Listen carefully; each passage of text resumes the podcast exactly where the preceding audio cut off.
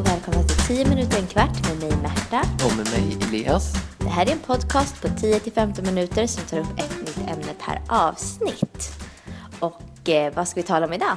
Ja, idag ska vi tala om något riktigt spännande. Men först så skulle jag vilja börja med att tacka för all den fina responsen vi fick på de förra avsnitten. Verkligen superkul att så många lyssnar och använder sig av vårt material. Ja, det är jättekul. Det Ja. är verkligen jättekul. Vi blir så glada när ni lyssnar. Och så stolta. Och det är därför vi gör den här podden.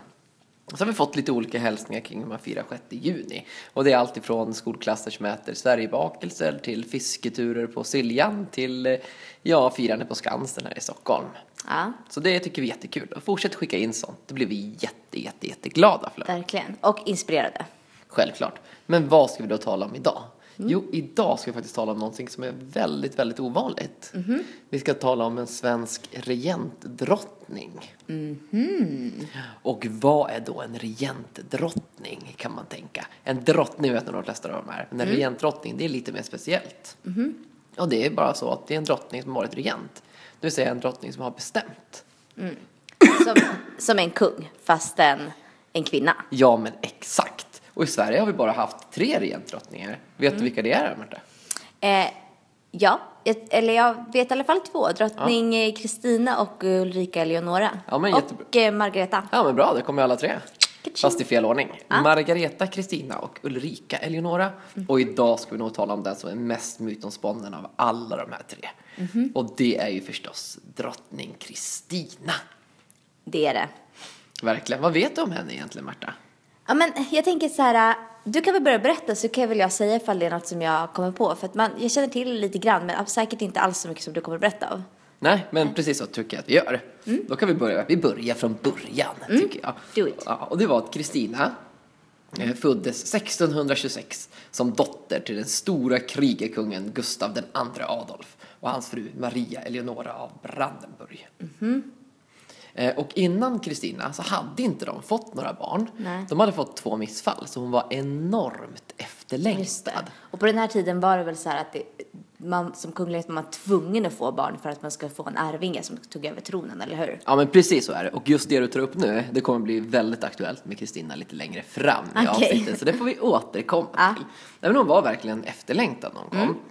Hon skriver själv i sina memoarer att när hon kom så föddes hon med en så kallad segerhuva. Mhm, vad är det för något? Ja, det är jättemärkligt, men det kan hända än idag. Det är att en viss del av fosterhinnan är intakt. Så barnet ligger i som en liten ballong när det föds. Och på den här tiden, då trodde man verkligen så oj, oj, oj. Nu kommer ut en riktig hjälte. Och till råga på allt så hade Kristina också en väldigt, väldigt hes basstämma. Så hon skrek väldigt hest så här när hon kom ut. Och så var hon luden över hela kroppen också. Jättemycket hår.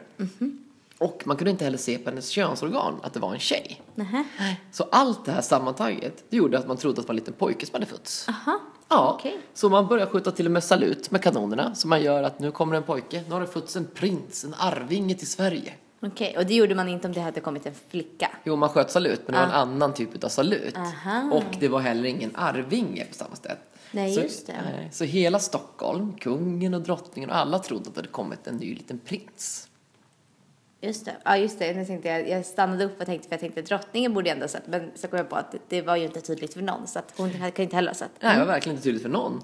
Men efter ett tag, eh, efter några timmar, så började man ju inse att oj, det här var ju, det var ingen pojke som har kommit, det var ju en liten flicka. Alltså gud, tänk om det skulle hända idag med någon kunglighet. Ja, tänk om det skulle hända idag, då skulle man bli förvånad. Och nu blev man ju såklart supernervös. Vem skulle berätta för kungen? Vem skulle berätta för den store Gustav Adolf att oj, oj, oj, det här var ju ingen prins, det var ju en flicka som hade fötts. Och han som hade längtat så mycket. Så man var lite feg där. Man lät hans syster Katarina, som man tyckte om väldigt mycket, få gå in och berätta för honom. Men det kanske var smart, det kanske inte bara var feghet. Ja, det var rätt smart. Vet du hur han reagerade då? Eh, nej, berätta. Ja, det här är faktiskt väldigt förvånande. Han började skratta. Han tyckte det var så roligt att den här lilla flickan hade lyckats lura alla. Kungen, drottningen och alla på slottet hade gått på det där. Och om hon nu hade lyckats lura alla dem, då skulle väl hon bli en alldeles ypperlig drottning. Det tror jag eh, han hade rätt i sina tankar utan att veta hur det blev. Ja, men det hade han. Och just där och då så bestämde han också att Kristina ska uppfostras som en pojke Mhm. och hon ska ta över tronen. Hon ska räknas som arvinge. Och det här var oerhört ovanligt. Det hade ju aldrig hänt tidigare i Sverige. Men det bestämde Gustav Adolf då. Intressant tanke också att hon ska uppfostras som en pojke. För nu för tiden tänker man inte så här, om man får en son till exempel, tänker man inte jag ska uppfostra det här som en pojke. Utan man tänker bara, jag ska uppfostra en bra människa. Liksom. Att det fanns på den tiden skillnader i liksom, beroende på vad det var för kön. Ja, exakt. Man kan väl säga att på den tiden var det enorma skillnader Ja. Mm. i vad det var för kön. Man kan nog säga att det var precis tvärt emot vad det är idag. Att säga att man ska uppfostra någon som en pojke, det var nog väldigt naturligt om det var en pojke. Och Mm. man skulle uppfostra någon som en tjej om det var en tjej. Och vad det betyder, det ska vi också prata om lite, lite, Mm. Mycket lite senare. intressant. En sak till bara. Ja. Gud vad jobbigt det måste vara. Är säkert alltså, att bli född i, till fel kön på den här tiden. Om man blev född, var en pojke när man föddes men känner sig som en flicka. Det kan ju nästan varit helt omöjligt att liksom. Ja, men det var nog helt omöjligt. Det var En nog, jätteomöjlig situation. Ja, jättefarligt också, skulle jag Ja. tro. För att jag, man såg inte så himla bra på homosexualitet på den här tiden. Nej. Men i varje fall så var det så att Kat- Kristina, hon såg upp väldigt mycket till sin pappa och de hade ett väldigt fint förhållande hela livet. Eh, Och pappan gillade Kristina väldigt mycket och Kristina gillade honom väldigt mycket. Eh, Men med mamman så var det helt annorlunda. Och vi ska komma till Kristina och hennes mammas förhållande lite senare. Det är mycket som vi kommer till lite Ja, senare. ja, men det är det är bara för att det är så spännande. Mm. Eh, Och just det här med Kristina och hennes pappa, det är väldigt speciellt. Mm. För hon träffar bara sin pappa fram till dess att hon är tre år. För när, Oj då. Ja, för 1629 då bestämmer Mm. sig Gustav Adolf för att åka ner till kriget i Europa. Mm. Och det är då det 30-åriga kriget. Och det är på de här tre åren som man då pratar om att de hade ett så fint förhållande. Ja, och, och efteråt, för Kristina Ja. vidhåller sitt bilden av sin pappa som en Ah, hjälte. ja. Hon ser upp till honom väldigt mycket. Hon skriver om honom och pratar om honom som Mhm. att det var liksom den perfekta människan och han förstod henne. Ja. Alla sådana här saker. Men så han sticker ner till kriget, Mm. Gustav II Adolf, Sveriges kanske genom tiderna största krigarkung. Mhm. Eh, kastar, sig in, kastar sig och Sverige in i det 30-åriga kriget. Som Mm. var en stor konflikt i Europa mellan katoliker och protestanter. Mm. Just det. Och det gick dåligt för protestanterna så Gustav Adolf skulle komma som räddaren, alltså Mhm. lejonet från Norden. Skulle slänga sig in här. Och Gustav Adolf, han var då Gustav Vasas barnbarn. Just det, precis. Så det Gustav Vasa är alltså drottning Kristinas farfar. Nej, Nähä. Gustav Vasa är hennes pappas farfar. Jaha, Han är alltså okej. hennes gammelfarfar, Ja. skulle man kunna säga. Då fattar jag. Ja, och men innan han åker ner, Gustav Adolf, så skriver han i sitt brev till en av sina närmaste män, Mm. eh, som heter Axel Oxenstierna. Eh, honom har du säkert hört talas om. Det jag. Ja, vi ska inte gå in mer på honom. Men hon skriver att fall det händer honom någonting Mm. så vill han att Axel Oxenstierna ska ta hand om Kristinas Mm. uppfostran och inte mamman. Mhm. Så om han dör, då ska han se till att uppfostra Kristina så hon blir en bra drottning. Mhm. Och dör. Det gör han.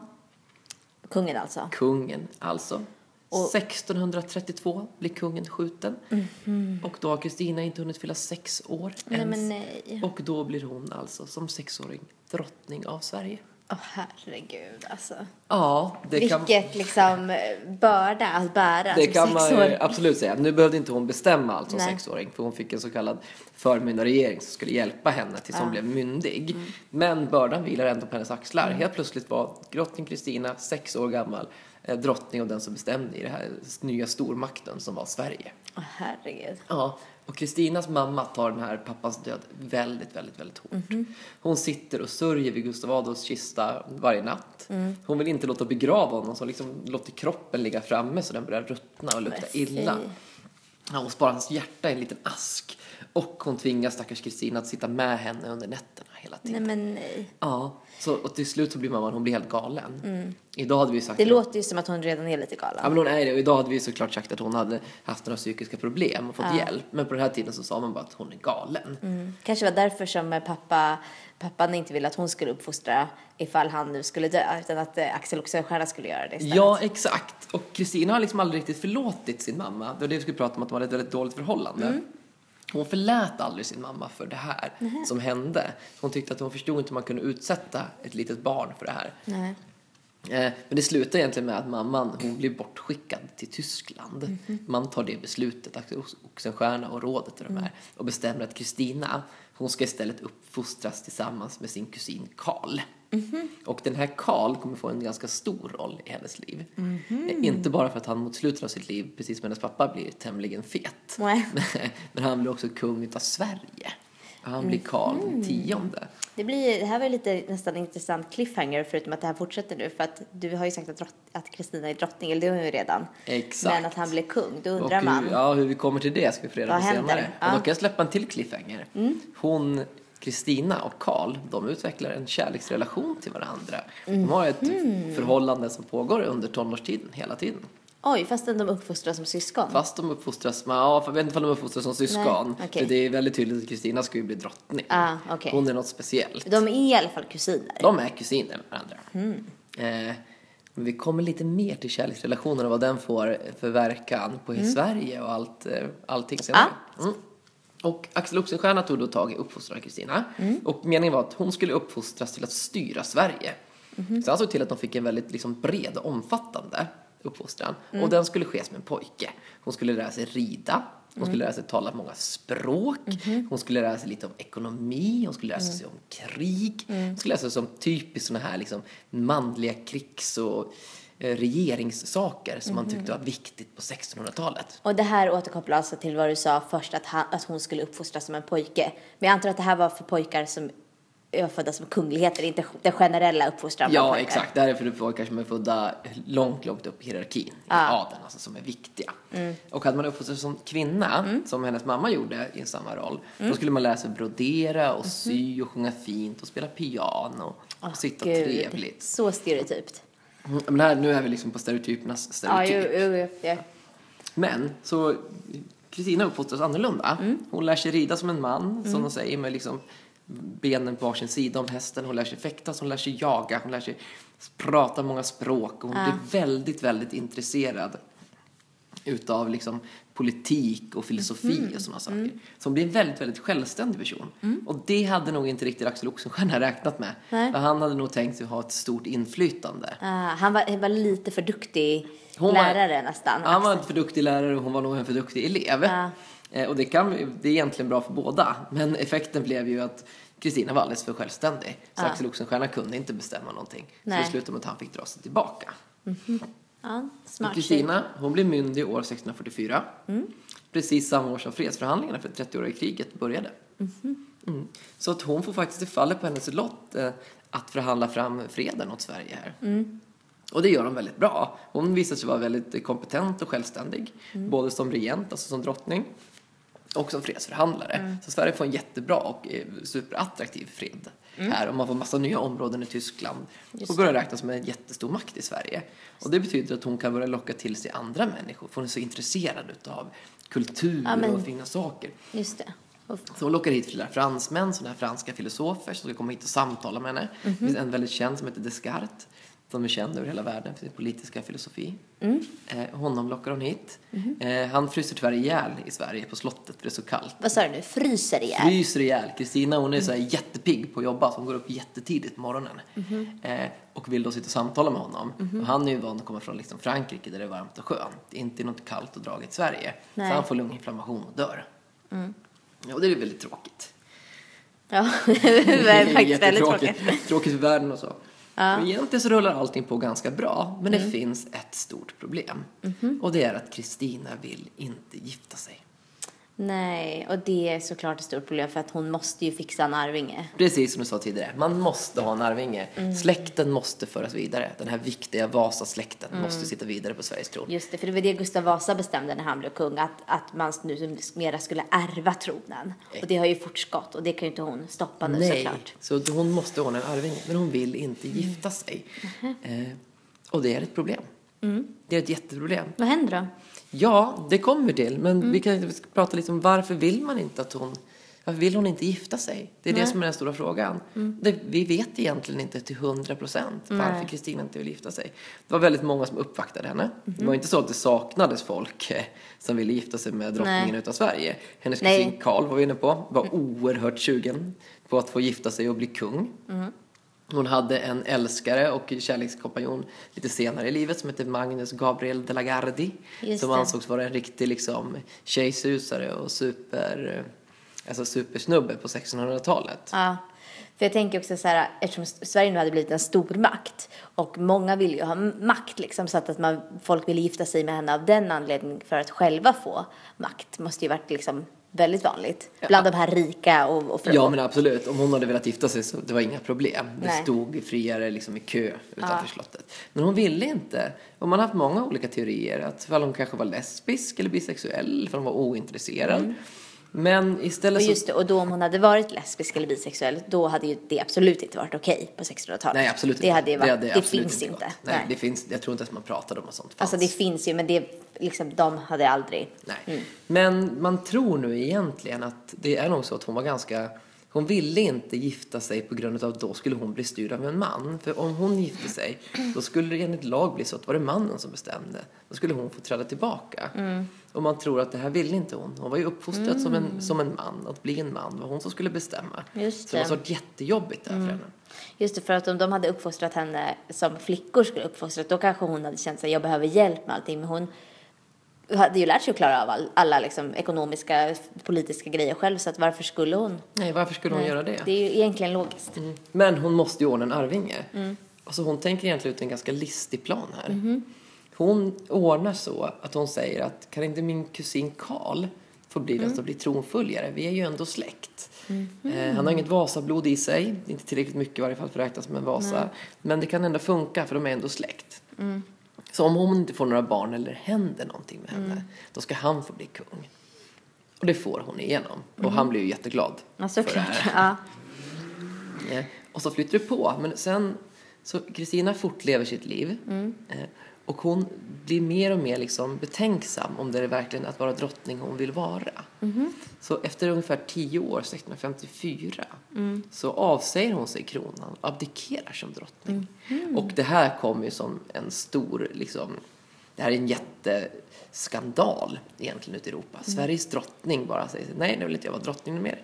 Jag tar och lämnar över all min makt till, kung, till min kusin Karl, som nu blir Karl den tionde av Sverige. Och istället så lämnar hon Sverige. Hon, Till? ja, hon reser söderut, stannar i Tyskland. Och 1655 så konverterar hon till katolicismen Just och blir katolik. Från att ha varit... Från att ha varit Gustav Adolfs dotter, den liksom hjälteprotestanten som skulle slåss för protestanterna mot Mm. katolikerna. I Sverige var det dödsstraff på att vara katolik. Man fick inte vara katolik. Shit. Hela världen kände Sverige som liksom de som stod emot och kämpade mot katolikerna. Hmm. Och nu så går alltså Gustav Adolfs dotter och blir katolik. Det här var en enorm skandal. Ja. Enorm. Det blåste upp liksom som att de har tryckt upp tidningar och liksom bilder och affischer på det här och skickade runt hela världen. Påven välkomnade henne ner till Rom. Eh, De skulle få bo. Man använde henne som en propagandafigur gentemot Sverige. Och i Sverige blev man jättebesviken. Ja. Så redan där började historiebeskrivningen om Kristina och säga att hon var en svikare och att det var hon som svek och hon drog och så. Och tyvärr så är den bilden har etsat sig kvar lite i svensk historia. Man börjar vända på det idag när man blir mer och mer intresserad av Kristina. Men hon lever sitt liv i Rom. Och idag ligger hon begravd i Peterskyrkan, den jättestora kyrkan i Rom. Vad hette den sa du? Peterskyrkan i Rom. Det är en jättefin kyrka som jag tycker alla ska besöka om man är i Rom. Eh, Men hon är ett mysterium, Kristina. Och hon är svår att förstå sig på. Och varje gång man liksom pratar om Kristina så kommer man på mer och mer som man vill veta. Ja. ja, alltså hon verkar ju sjukt spännande. Det är alltid spännande med såna här historiska personer som man egentligen man hittar lite information där och där och där och där men man har in, egentligen inte jättemycket liksom. Så det är superintressant. Ja men exakt, jag tycker nästan att vi tar och slutar där med Kristina så får man liksom lyssna vidare på annat eller läsa vidare om man vill veta mer. På vår hemsida så finns det lärarhandledning eh, med frågor och uppgifter som man kan använda innan, under och efter den här podcasten. Det hittar ni på vår kunskapsbank på vår hemsida på www.vikarielärare.se. Lösenordet till kunskapsbanken är vikarielärare med litet v. Vi finns på Facebook under vikarielärare. Gå in och gilla oss. Vi finns på Instagram under vikarielärare. Gå in och följ oss där. Vi vill säga stort tack till vikarielärare som vi gör den här podden tillsammans med. Ja. Tack så mycket Karin lärare och vi hörs nästa vecka. Det gör vi. Hej då! Hej då.